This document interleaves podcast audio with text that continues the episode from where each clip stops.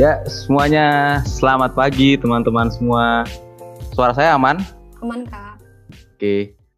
Uh, selamat pagi semua teman-teman mahasiswa di mana pun teman-teman berada. Semoga sehat selalu. Walaupun dalam kondisi pandemi seperti ini kita tidak bisa bertemu, tidak bisa bertemu di Bintaro. Semoga sehat selalu teman-teman semua dan semoga kita selalu dilimpahi oleh karunia oleh Allah Subhanahu wa taala. Hari ini kita sedang ada ada acara nih.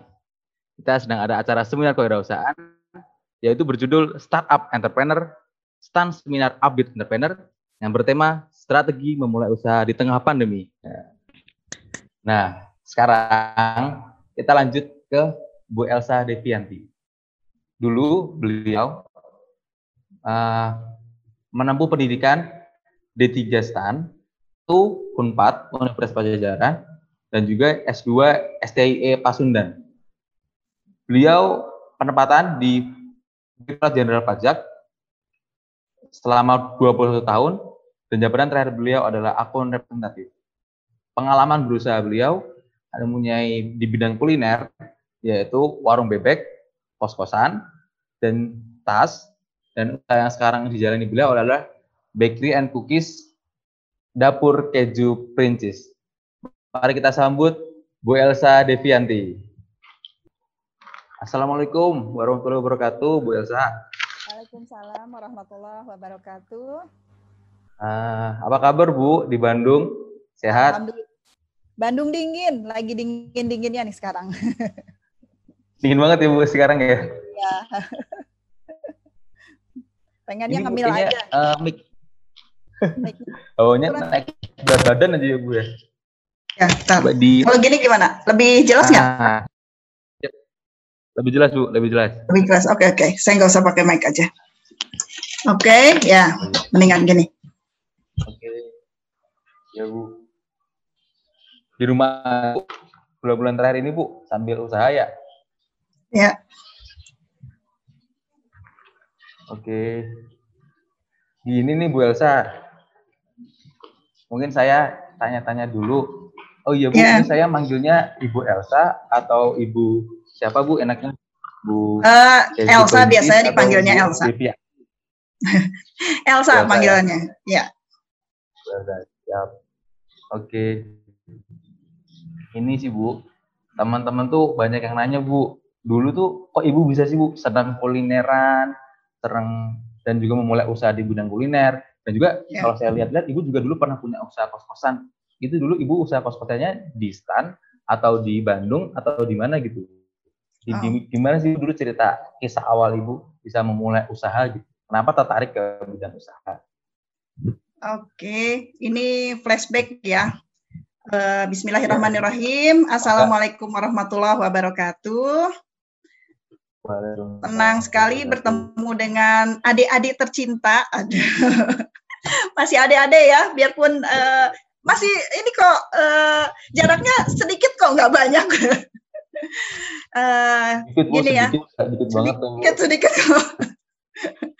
uh, jadi kalau dari kuliner, dari masak memasak itu memang sudah menjadi uh, kesukaan sejak dulu lah ya, sejak uh, TK, SD, SMP, memang sudah senangnya ke situ karena latar belakang orang tua juga di kuliner dulu uh, ibu tuh hmm. jualannya bacang uh, dan snack-snack.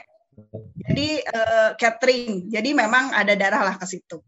Tapi yang namanya zaman saya dulu namanya seorang anak itu uh, sekolah itu yang keren tuh bukan di dunia kuliner ya, belum lah. Yang namanya chef chef itu belum ada gitu. Zaman belum.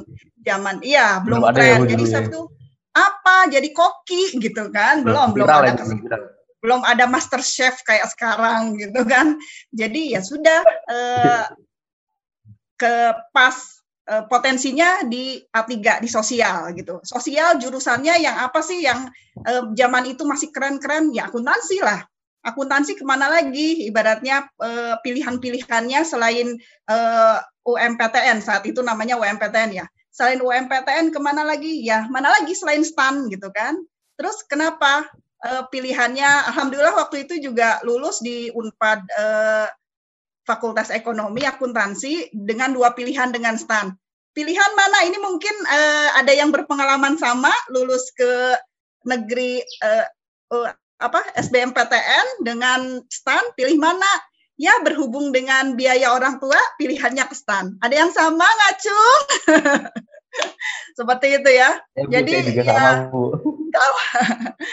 tapi insya Allah semuanya yang terbaik ya. Jadi ibaratnya saya e, kalau bisa dibilang e, salah jurusan salah jurusan.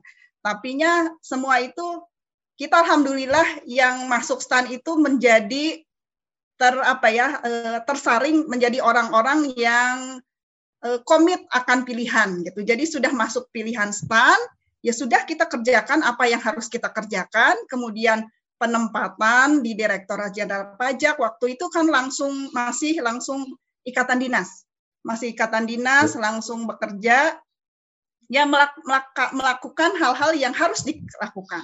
Dan kita di STAN sudah terbiasa kan push over the limit, harus mengejar IPK sekian, harus melakukan hal-hal sekian, jadi terbiasa bahwa kita tugas harus melaksanakan kewajiban ini ya dilaksanakan.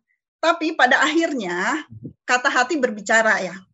Sampai kapan hmm. saya mau melakukan hal-hal yang di luar uh, passion. Jadi pada akhirnya kembali lagi passion saya sebetulnya nggak di sini. Jauh banget kan dari akuntansi ke masak memasak gitu. Jauh banget dan itu terkubur selama bertahun-tahun gitu. Pada akhirnya itu mungkin uh, nanti akan merasa akan mungkin fase manusia di atas 4, saat 40 tahun, kita akan bertanya lagi, sampai kapan saya melakukan hal ini? Gitu. Seperti itu, kemudian eh, pada akhirnya eh, satu dan lain hal, karena sebagai perempuan juga, ibu-ibu, perempuan merasa lebih dibutuhkan di rumah, akhirnya diputuskan bahwa, oh ya, sepertinya saya harus fokus di rumah. Namun itu juga sebelumnya sudah mencoba melakukan uh, usaha-usaha sambil kerja.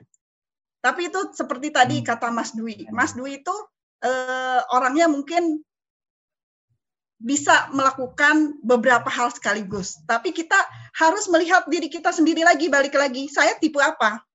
Saya tipe apa? Bisa tidak melakukan usaha sembari kerja? Karena ingat, saat kita e, berakad untuk bekerja di suatu perusahaan atau institusi, itu akadnya sudah dengan perusahaan itu. Jadi kalau kita melakukan hal yang lain, apakah mengganggu atau tidak, itu harus kita evaluasi. Nah, kemudian saat sudah berjalan waktu, eh, saat merasa harus, oh ternyata usaha ini harus fokus. Nah, saya sudah tidak bisa lagi mentolerir bahwa, oh di DJP ini eh, ritme kerjanya sudah sangat tinggi, sehingga tidak bisa lagi mendua dengan pekerjaan wirausaha ini. Akhirnya memutuskan, yes, memang resiko harus dipertimbangkan setelah bertahun-tahun itu dicoba bertahun-tahun ya mulai tadi dari tadi usaha bebek itu masih bekerja. Jadi saya eh, kerjasama dengan orang, kerjasama dengan orang, mencari tim. Hmm. Ternyata ya eh, hal-hal seperti ya, bisa dilakukan.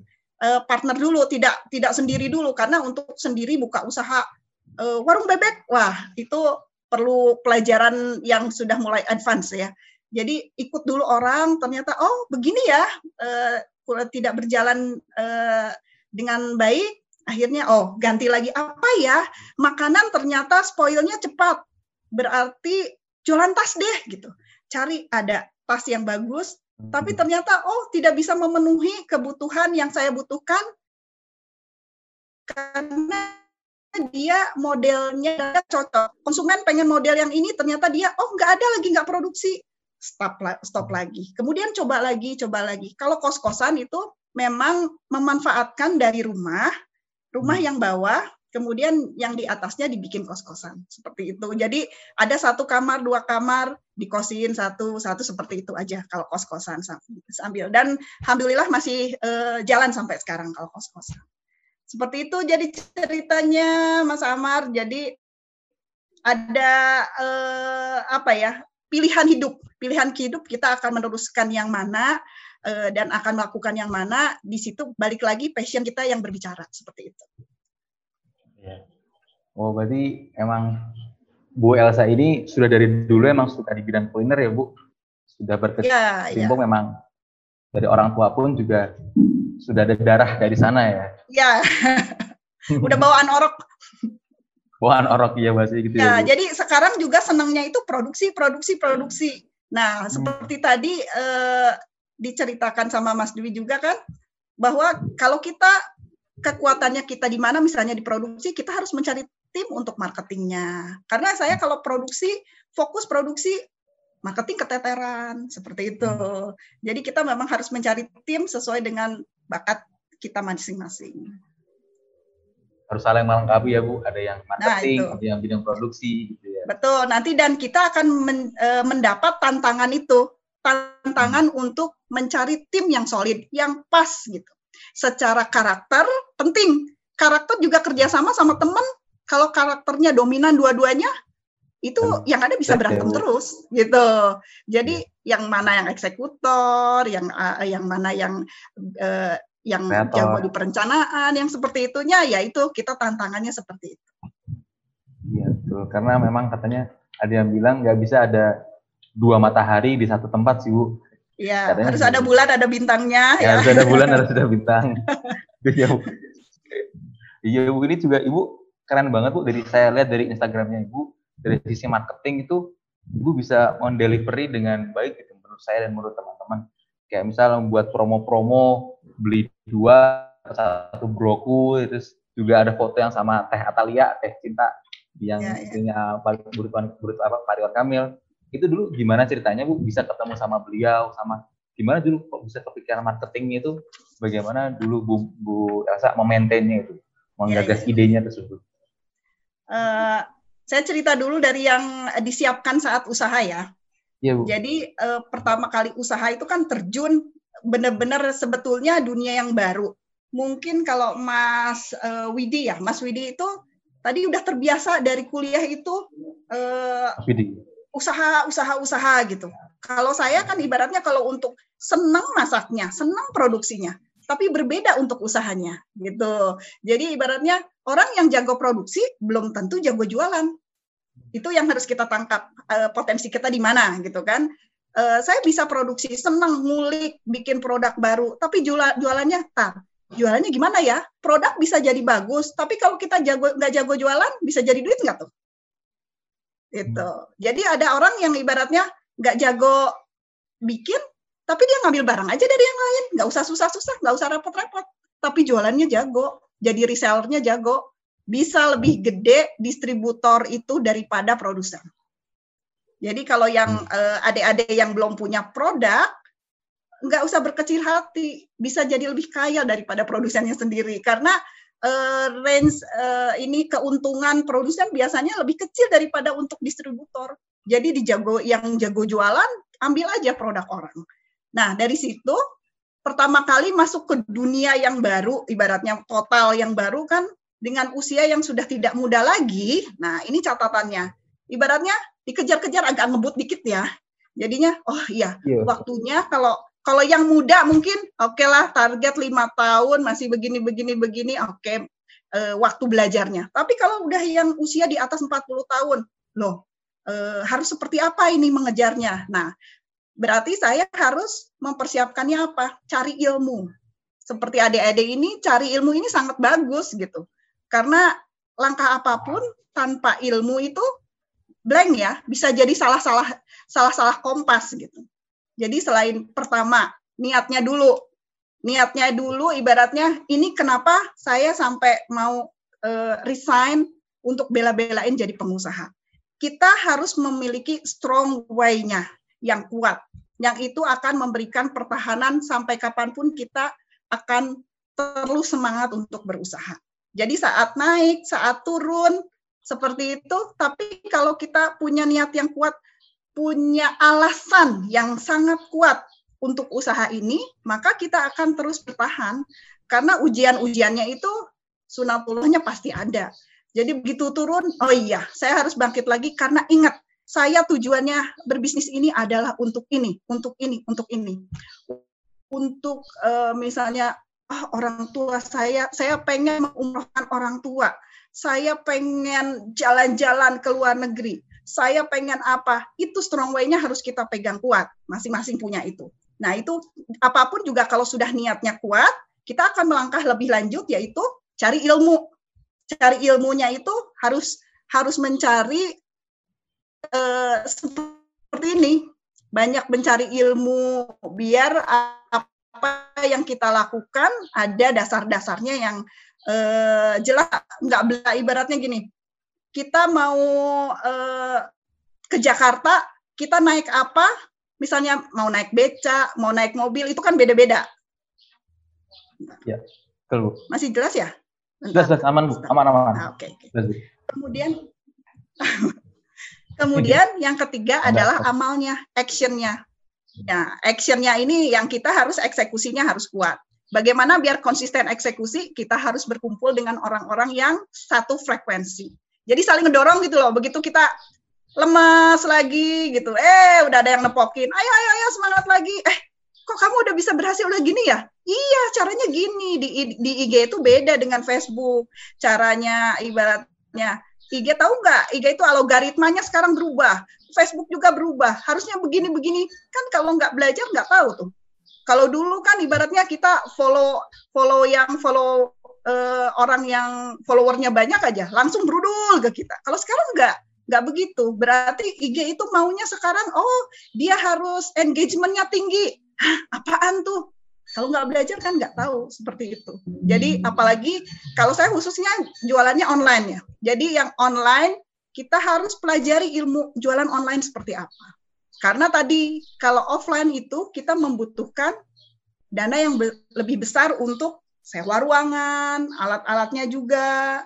Dan tadi kita bisa memulai usaha dengan modal yang sangat minim. Ibaratnya, oh tadi kan kalau Mas Widi jualannya jasa bisa sendiri. Kalau saya mau jualan produk gimana kan tetap modal. Sekarang tuh banyak yang bisa jadi dropshipper, reseller, atau colek tuh warung-warung yang di sekitar kampus. Bu, boleh nggak saya packing buat ditawarin catering-catering gitu. Kita mikir eh, misalnya ada yang bisa buatin apa, Bu, bikin siomay dong, nanti saya yang jualin boleh nggak? Modal dengkul kan? Ataupun modal tuh ada, tapinya masih terjangkau lah dengan eh, kantong mahasiswa gitu kalau buat beli packaging jadi ibaratnya kita repackaging aja. Barangnya udah ada, cuman packingnya kita ganti gitu. Jadi Bagusin banyak hal ya. itu ya itu hal-hal itu bisa kita peroleh dengan ilmu. Jadi rajin-rajin ikut seminar, apalagi sekarang tuh banyak seminar online gratis-gratis lah ya. Eh, kumpul-kumpul ikut komunitas. Nah, saya juga banyak terbantunya ikut komunitas. Di komunitas itu untuk yang produksi terbantunya. Jadi kita tahu oh supplier keju misalnya dulu kita belinya ke toko bahan kue harganya sekian. Sekarang kalau sudah masuk komunitas ternyata ada supplier yang menemukan supplier yang paling murah. Nah, itu hal-hal seperti itu akan didapat sambil jalan tadi Hmm. Jadi sambil jalan makanya mulai aja dulu. Karena gini, kalau saya dari Bandung mau ke Jakarta, kalau hmm. kita nggak keluar rumah, nggak nyampe-nyampe tuh ke Jakarta. Kalau keluar betul. rumah aja dulu, ngelangkah aja dulu. Nanti di luar nanya-nanya, ih mau ke Jakarta ke mana ya? Kapan, oh nanti, iya nanti oh ke terminal, bisa ke terminal, bisa ke stasiun, bisa ke bandara, misalnya gitu. Oh ke mana yang paling murah ya? nanya-nanya akhirnya nyampe juga kalau keluar rumah tapi kalau kita ngerencanain aja di rumah kayaknya begini ya begini tapi nggak keluar luar rumah nggak jadi-jadi jadi mimpi besar itu harus dimulai dengan langkah yang kecil langkahnya nggak usah langsung gede karena kita juga bukan berarti usaha itu berani tapi ya itu berani mati gitu. Harus dengan tetap perhitungan. Tapi langkah yang kecil aja. Langkah kecil langkah kecil nanti mimpi besarnya itu akan tercapai insya Allah. Jadi itu ya tiga dulu. Niat saya niatnya dulu, kemudian cari ilmu, cari ilmu karena ilmu di dunia bisnis itu sangat banyak.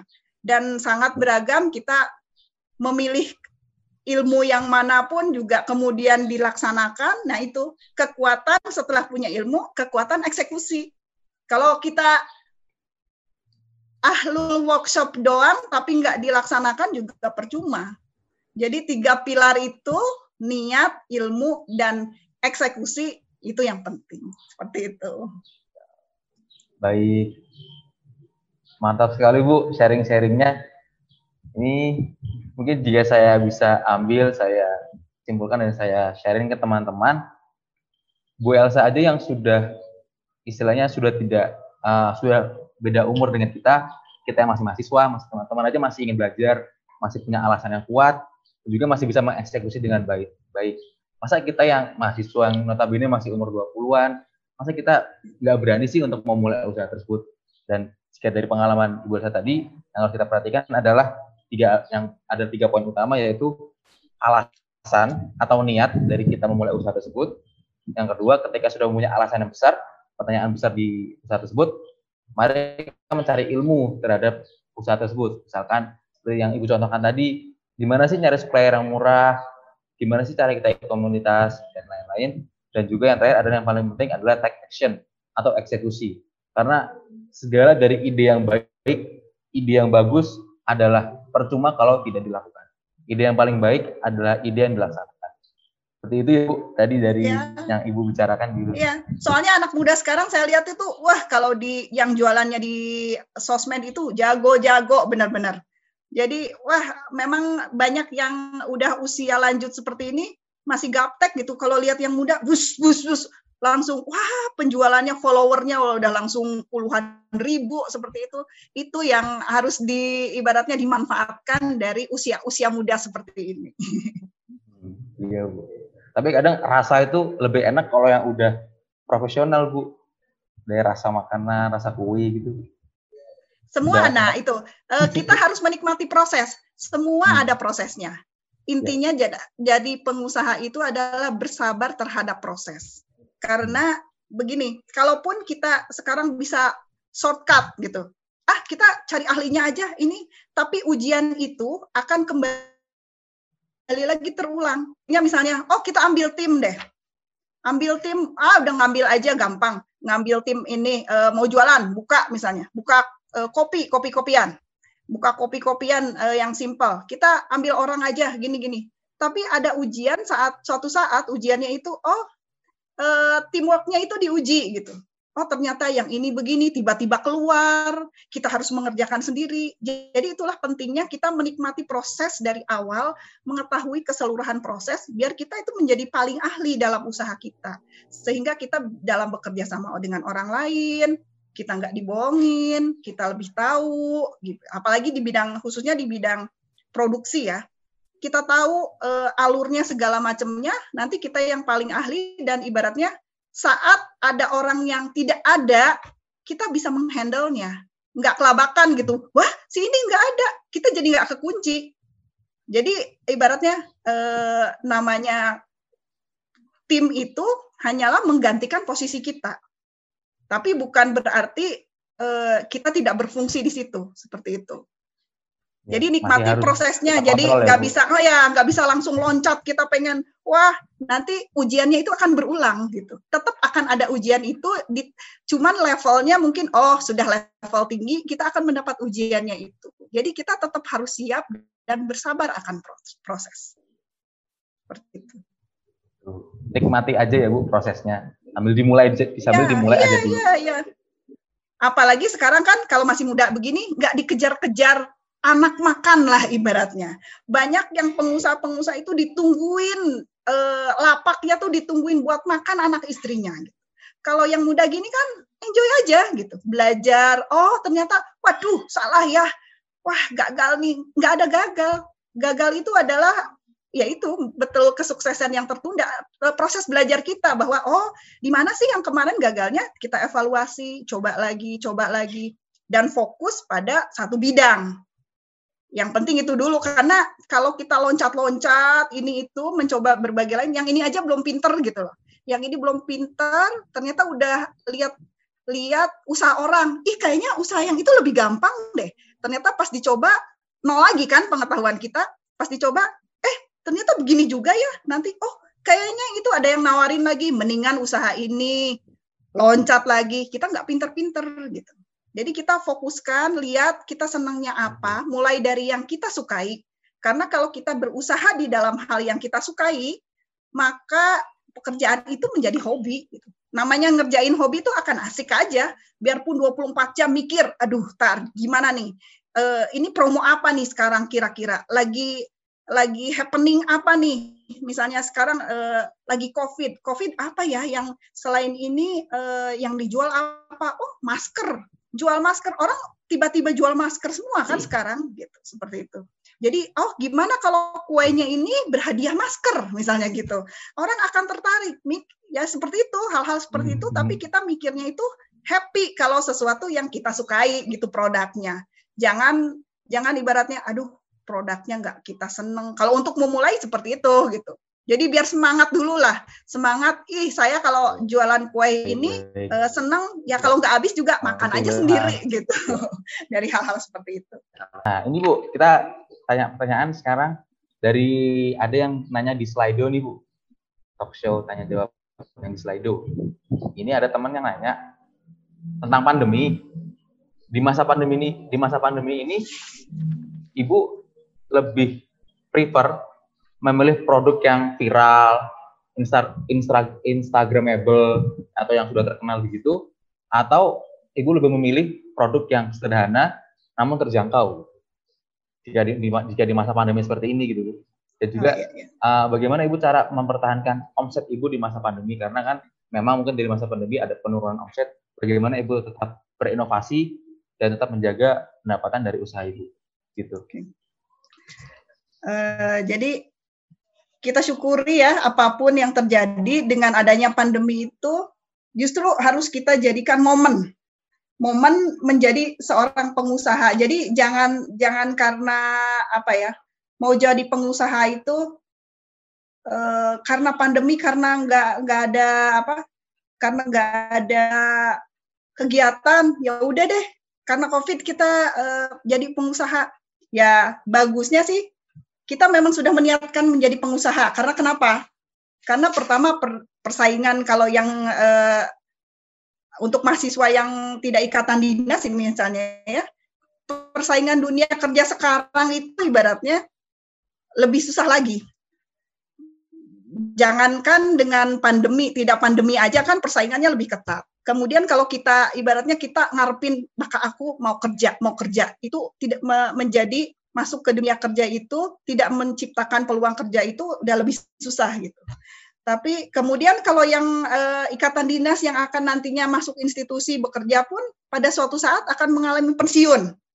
Nah, kemudian uh, jadi pandemi ini hanya suatu momen untuk semua orang bahwa yes memang di Indonesia masih diperlukan banyak pengusaha-pengusaha gitu. Negara kita itu masih banyak memerlukan pengusaha karena kenyataannya seperti pandemi ini pajak itu didapat dari mana? Ya dari pengusaha. Kalau pengusaha, suatu negara masih sedikit, maka negaranya juga ibaratnya kekurangan perekonomiannya juga masih masih kurang bagus lah ya secara ininya. Jadi ibaratnya seperti itu. Apalagi dengan COVID ini kita mendorong lebih cepat kita ayo take action menjadi pengusaha. Kalau untuk makanan eh, makanan itu adalah sektor yang masih bisa bertahan bagus di masa pandemi. Jadi kalau mau memilih usaha yang lebih apa ya, lebih struggle saat pandemi ini, memang usaha makanan. Jadi orang tuh banyak yang mager di rumah, ngapain ya, lapar kan? Hmm, nah, tinggal iya. eh, produk apa sih? Ibaratnya produk apa yang mau kita jual? Kalau misalnya dari uh, khususnya makanan aja gitu. Uh, produk yang kita, uh, eh, kita jual untuk di masa pandemi ini. Pertama kali ibaratnya kita oh coba yang duluan kita kita uh, tentukan produknya dulu atau pasarnya dulu, yang mau belinya dulu. Yang mana dulu nih?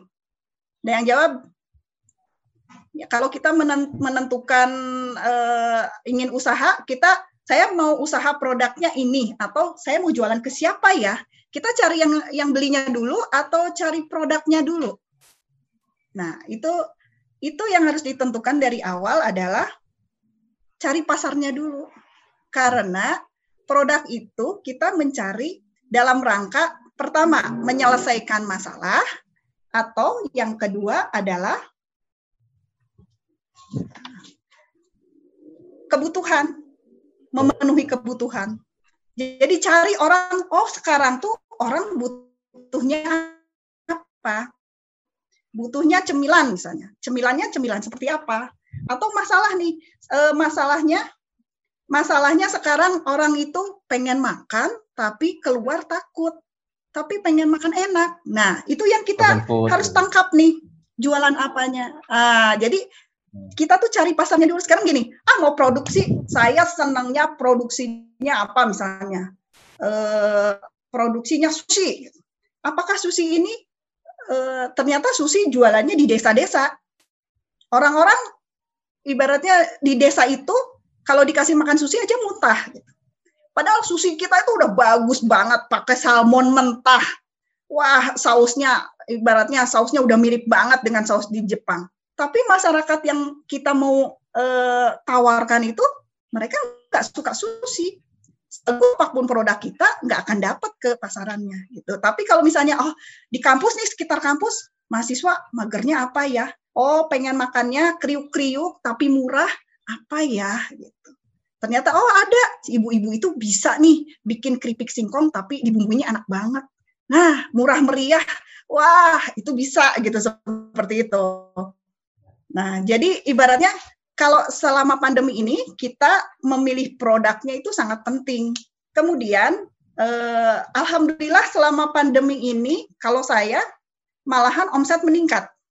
Nah, meningkat Mulai ya? dari cookies, ya cookies Lebaran saat itu. Lebaran orang kan nggak ke mall.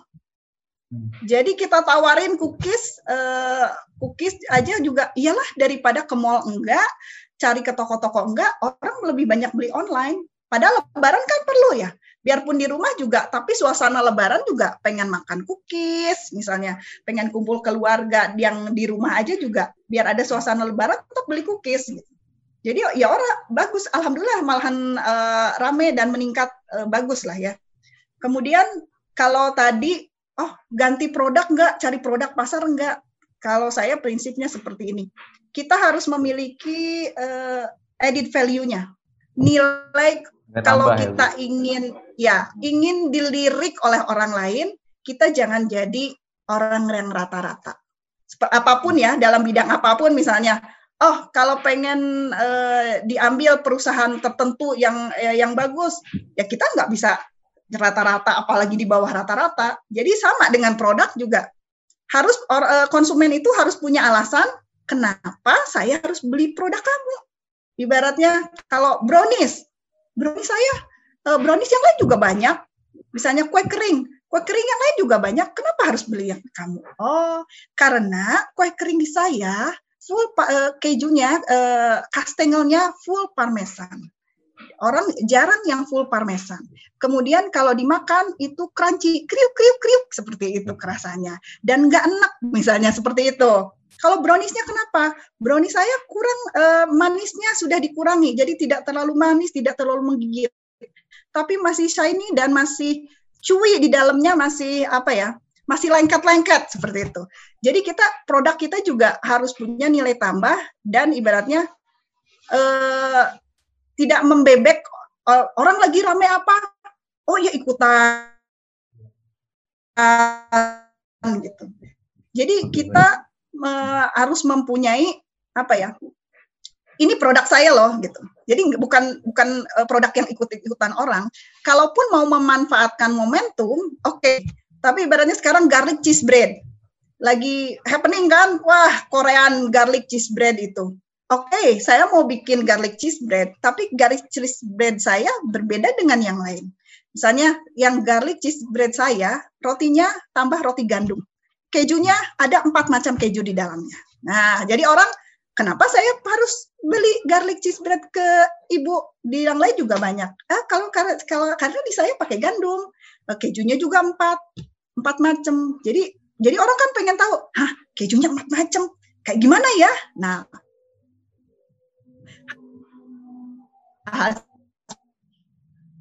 seperti itu ya.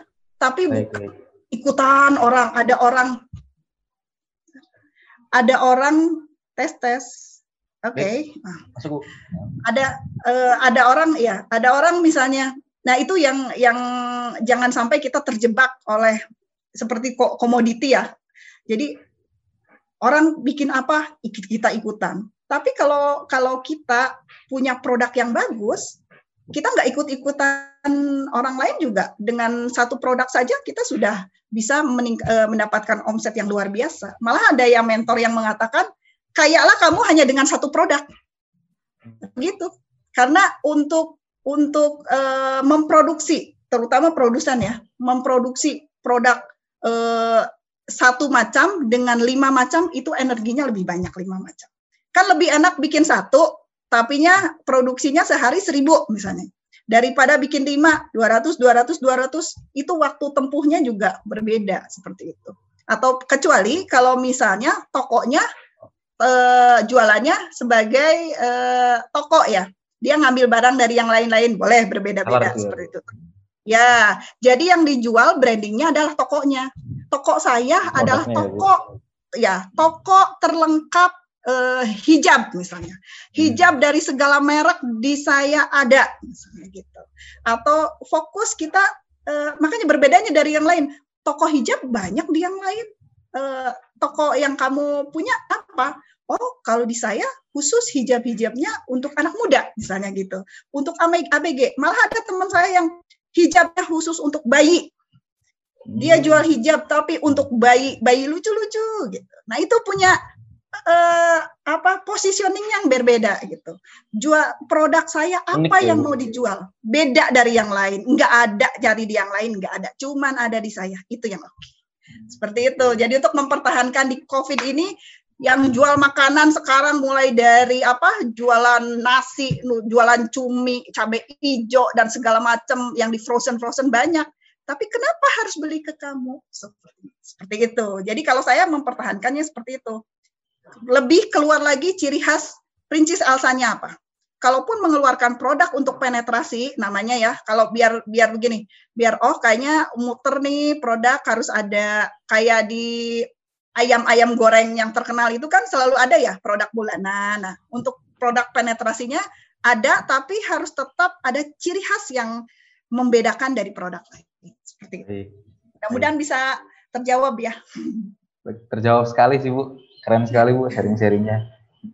Berarti kalau saya ambil poinnya adalah jika membuat usaha, kalau bisa kita membuat nilai tambah yang unik atau istilahnya harus. diferensiasi produk, diferensiasi produk ya, bagi produk-produk lain ya Bu, dari dari perantau-perantau lain. Baik baik. Memang itu kunci sekali dalam berusaha untuk usaha yang, yang baik itu jangka sekarang dan juga jangka ke depan ya Bu. Iya, iya. Sehingga produk kita uh, long lasting gitu. Jadi kalau namanya produk dan produk juga ada usianya. Usianya ibaratnya nanti ada kurvanya begitu dia naik uh, wah pak bagus. Sekarang tak penjualannya tinggi tinggi tinggi nanti akan ada saatnya produk itu turun penjualannya. Orang udah mulai bosan akan ada saatnya seperti itu. Nah begitu udah mulai mau bosan kita harus uh, punya strategi untuk muterin ibaratnya. Biar produk itu naik lagi produknya divariasikan misalnya asalnya ada satu rasa jadi dua rasa atau kita puterin dulu ke produk yang lain nanti dibanding dengan produk itu biar orang kangen lagi gitu. Yang penting kurva saat turunnya itu kita turun sedikit nanti usahakan biar naik lagi seperti itu. Baik. Terima kasih Bu Elsa atas sharing-sharingnya. Ini sayang sudah ada di penghujung acara Bu. Ini sudah uh, mungkin ini Bu satu pertanyaan terakhir Bu. Satu okay. pertanyaan terakhir. Uh, dari teman-teman di Slido ini ada yang menanyakan. Uh, sebentar bu ya. Dari Muhammad Aldian Nur izin bertanya bu apakah relasi dan sosial media berperan besar dalam suatu usaha? Dan bagaimana melakukan promosi ketika ketika hal-hal tersebut belum cukup memenuhi. Oh mungkin ini penasaran bu, uh, uh, peran pentingnya dari ibu buat Instagram, buat Shopee itu dampaknya ke penjualan ibu bagaimana? Apakah benar-benar sangat oh, ya. signifikan atau bagaimana? Mungkin seperti ya. itu. Ya, oke. Okay. Jadi ya itu tadi saya uh, kelebihannya di bidang produksi. Saya perlu orang untuk uh, jualan. Asalnya semua itu dilakukan sendiri. Maka sambil produksi, sambil pegang HP, ah sambil belepotan tepung ya, kurang efektif. Akhirnya ya kita kerjasama dengan tim. Ada tim uh, ibaratnya kalau sudah usaha sudah mulai tidak ter, terhandle oleh sendiri, kita harus uh, punya tim. Nah, tim ini yang diutamakan saya adalah tim ini tim sosmed, marketing dan admin. Jadi alhamdulillah sekarang sudah ada timnya sendiri yang masih ABG gitu. Jadi bukan bukan bukan yang gaptek seperti ini. Jadi ya mulai lebih aktif, lebih aktif. Jadi tugas-tugasnya juga kita udah tinggal ibaratnya oh iya sekarang mau promo apa? Tinggal ditanya aja. E, Bu mau promo apa? E, siapnya produk apa? Jadi ada tim yang ting tengnya mikirin hal itu gitu. Itu sangat penting karena ya seperti tadi yang saya sampaikan bahwa sebagus apa pun produk, kalau kita nggak bisa jual, ya udah buat apa produk itu makan sendiri aja gitu. Jadi apalagi peran sosmed itu sekarang tuh eh, sangat berpengaruh besar gitu. Online itu jualan online itu banyak orang yang nggak perlu punya toko, tapi omset dari online online-nya bisa ratusan juta bahkan miliaran gitu. Jual kosmetik, jual cemilan, ibaratnya jual hijab. Ya mungkin hijab e, baju fashion di covid ini agak menurun. Tapi kalau makanan itu bi bisa booming banget lewat lewat e, sosmed. Apalagi ya kalau udah ada videonya. Nah itu tinggal kita bagaimana caranya op optimasi namanya optimasi di sosmed. Optimasi di sosmed bisa apa? Sos sosmednya di WhatsApp. Status WhatsApp itu sangat berpengaruh. Kemudian di Instagram di Facebook. Kalau kalau tidak secara manual pun bisa lagi naik kelas menjadi iklan, beriklan. Gimana caranya beriklan di ya di sosmed. Kalau misalnya sudah ada dananya kita mulai. Kalau enggak yang gratisan dulu aja sosmed yang eh, yang apa? Yang alamiahnya juga bisa bisa kita ini kan. Jadi WhatsApp itu nah kita memanfaatkan data. Coba teman-temannya datanya berapa? Pernah nggak diketok-ketok ditawarin dari setiap WhatsApp-nya? Eh, aku punya produk baru nih. Nah, itu kita harus belajar juga namanya hypnoselling. Kemudian hipno eh, apa? copywriting. Copywriting tuh bagaimana kata-kata kita tuh ibaratnya jualan tapi nggak kayak jualan banget deh gitu. Jadi kita dan kita harus mulai berbagi informasi. Nggak cuman orang kan kalau diketok jualan, jualan mulu bete kali ya gitu. Tapi sesekali kalau kita informasi, misalnya eh, saya keju eh, ininya, kita sharing keju tuh bagusnya apa sih? Tahu nggak kamu keju tuh ada berapa macam di dunia ini? Gitu kan orang tuh suka kepo ya. Oh iya, apa ya gitu. Jadi produknya apa? Coba sharingkan sesuatu yang berhubungan dengan produk. Nggak usah jualan dulu. Kalau udah ada kita tuh udah misalnya udah tahu sama tahu misalnya, ih seneng nih di di Instagramnya ini atau di Facebooknya ini sering banyak pengetahuan yang lain. Kalau jualan gampang, itu kan udah mengingat. Begitu dia buka buka sosmed kita, oh iya, kalau butuh brownies pasti ke sini, gitu kan? Udah nggak usah dijualin lagi juga udah udah di sini karena iklan itu bawah sadar ya. Teorinya ya, teorinya harus 14 kali mampir ke otak kita. Hmm. Makanya kenapa iklan sirup di uh, bulan puasa kan Jangan. sekali lewat kita iya. cuek dua kali, udah 14 iya. kali kita nggak sadar ke supermarket nyomot itu. Seperti hmm. itu gitu. Jadi kalau orang udah lihat sosmed kita sering, udah 14 kali, begitu dia butuh misalnya, aduh mau lebaran, oh iya udah tek, udah bawah sadarnya, otak bawah sadarnya yang dibangun. Jadi itu fungsi sosmed itu membangun kesadaran uh, yang di bawah sadarnya kita pelajari lagi ilmunya banyak ilmu-ilmu uh, kalau yang jago jualan itu salah satunya Kang Dewa Eka Prayoga. Lihat di YouTube-nya mulai sekarang tuh di YouTube itu jangan cuma lihat tutorial make up ya adik-adik. Jadi udah mulai oh cewek gimana tuh, cara tuh. jualan? Uh, kalau cowok apa ya? Kalau cowok apa yang lihatnya? Uh, unboxing apa tuh? Ngejim ngejim bu biasanya bu. Oh iya jadi mulai lihat oh gimana cara banyak banget ilmu-ilmu di YouTube itu. Gratisan. Mulai aja malah cara jualan di Instagram, cara jualan di Facebook atau optimasi WhatsApp. Di WhatsApp juga bisa banyak banget gitu. Jadi ilmunya kita pelajari apa yang mau ilmu cari aja dulu bah bah Google dulu ya. Seperti itu. Mudah-mudahan bisa menjawab. Baik Bu. Terima kasih banyak.